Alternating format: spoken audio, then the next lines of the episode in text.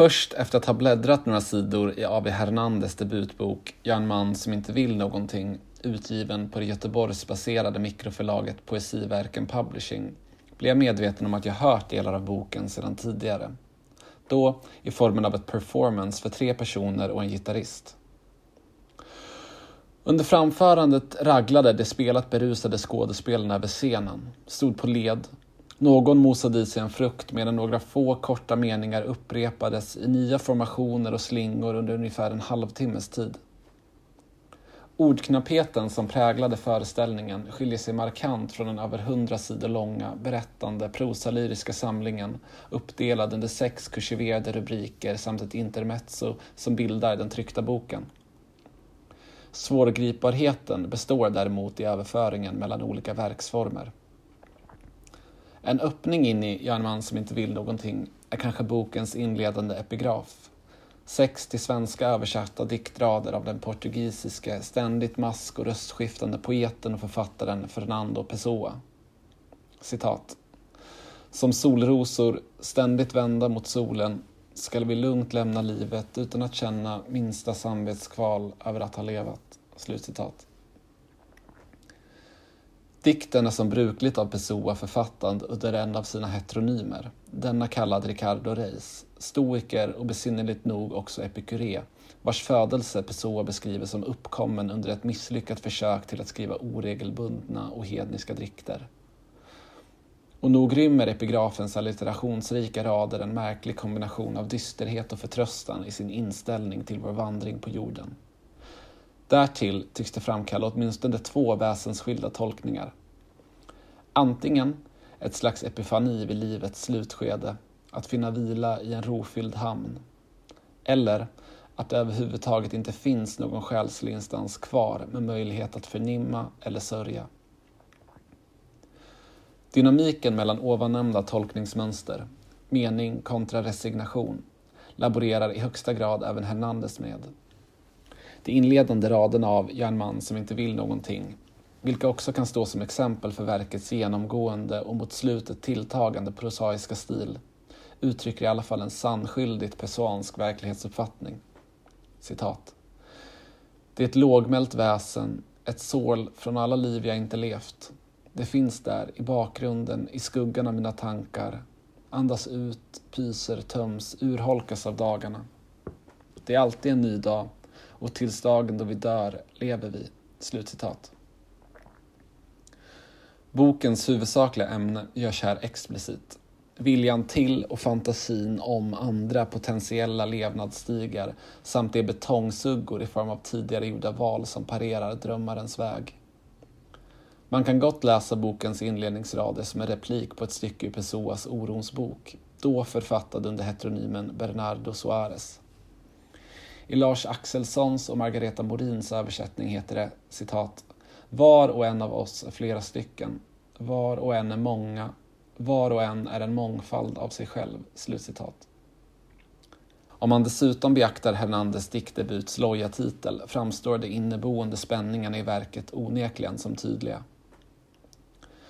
Diktjaget vi får följa befinner sig i transit, i både inre och yttre bemärkelse. En dyster turist om man vill vara hård. Som en osalig ande rör den sig längs den adriatiska kusten bland kaktusbuskar, aloe vera, ryggsäckar med påsydda flaggor, cigaretter som tar slut. Över gatorna i Sarajevo, men med ett öga ständigt vänt hän, tillbaka mot den plats han lämnat vind för våg. I centrum för denna ömsom i skimmer, ömsom i misär målade dåtid som återkommer i hastiga minnesbilder en före detta hustru samt en graviditet och därmed ett familjeliv som aldrig blev av. Relationshistorien avtäcks långsamt och bildar den fylliga fonden från vilken jaget retirerar. Omvärlden i den nya och rastlösa tillvaron på Balkanhalvön framställs som sinnligt klar och diffus på en och samma gång, liksom schematisk. Då i bemärkelsen att den flera gånger redovisas i mer eller mindre prydliga listor ordnade efter kategorier såsom ljud, doft och handling, samtidigt som uppräkningarnas förankring i texten som helhet inte tydligt ger sig till känna. Det är nog den starka ängslans förtjänst, tänker man då, vilken stiger från sidorna och porträtteras i drastiska, storvulna och våldsamma bilder. solsken som förblindar, förgör, blottade kranium, späkning och hämndlystna feberdrömmar. I en lika storstilad och åter klichéartat manliga dragen gest hänger sig berättaren åt sprit, ofruktsamma sexuella förbindelser och andra utsvävningar i hopp om att kunna anta en annan roll än den som åskådare gentemot tillvaron. Bland de många korta relationerna som inleds gör dessvärre endast en handfull faktiskt ett nämnvärt intryck. Vi måste ha bråttom med allt, står det ensamt på en sida. Och diktboken ger verkligen ett sådant skyndsamt intryck. Psykologiska knutar ska lösas upp, livsval ska prompt och koncist bespeglas via rader som citat ”sörjer genast mitt beslut, jag fungerar så”. Slutcitat. Inte minst förstärks effekten genom satsradandet och modifierandet av uttalandena. Ellipserna jämte de många verben vi kastas runt bland som på ett öppet hav. Bortsett från några korta ögonblick av eufori, citat, men ändå, jag är rasande lycklig av att vara vid liv. Att borta mig själv, i samspelet med världen, i kärleken är jag fullkomlig, slutcitat, står texten paradoxalt nog kvar på samma plats och stampar. För trots diktjagets tappra försök till vitt skilda handlingar fortskrider apatin och det reflexartade levernet i ett slags ramlöst, halvnihilistiskt upprepningstrassel där mening kan behäftas vid snart sagt vad som helst och hur som helst. Växtlighet, kaffedrickande, kullersten såväl som nyss rasande krig. Varje ord, skriver Hernandez, har förmågan att förvandlas, våndas och förgås. Inga beskrivningar är någonsin tillräckligt korrekta. Innebörden i utsagor som denna, vilken borrar in sig mot tidigare uppställda kärnkonflikt i verket, den mellan resignation och mening, blir bokens stora bekymmer. Hur göra dikt av detta ur textens synvinkel godtyckliga stoff? I Jag en man som inte vill någonting har denna språkliga misstro lett till att överdriften samt en ständig ackumulation av tecken och utsagor, även motsägelsefulla sådana, fått utgöra riktning och ram. Som poetisk metod är det inte nödvändigtvis alls ett problem. Men när det som i det här fallet sker på bekostnad av diktens skärpa, dess koncentration och läsarens förmåga till deltagande, ja, då blir det det.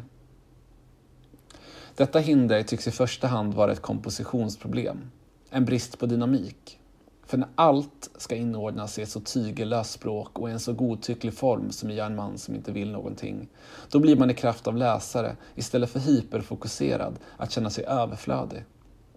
Detta märks inte minst de gånger en verkligt fin mening faktiskt får stå för sig själv i egen rätt och som en sval bris lyckas kyla av texten som gått på högvarv.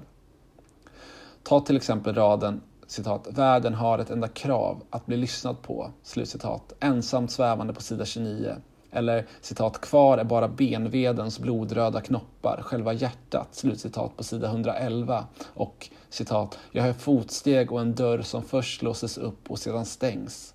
En vind far genom rymden och in i mitt öra, slutcitat. Eller om man föreställer sig att utsagorna citat, ”Jag tror på förlusten som något legendariskt och evigt. Jag bor i Göteborgs utkanter” slutcitat på sidan 109 skulle ha fått stå omodifierade och lysa i sin egen bittra, oförminskade komik. Om vi än en gång prövar att återvända till Pessoa kan vi se att också han var mån om att inrymma hela världen i sitt alster. Inte heller räddes han motsättningar eller spretighet. Om hans metodskådespeleri i form av rolldiktning kan man tycka olika, men man får medge att det gav projektet en tydligt ålagd inre begränsning. Ett slags världsordning och persongalleri att falla tillbaka på. Och framför allt, det tål att upprepa, gav de olika författarrösterna upphov till dynamik, effekten av luft och syre genom kontrasternas spel. Nog finns det ett övermått av motivkretsar att ta till fasta på i en man som inte vill någonting och förhoppningsvis kommer det att odlas vidare i Hernandez kommande verk.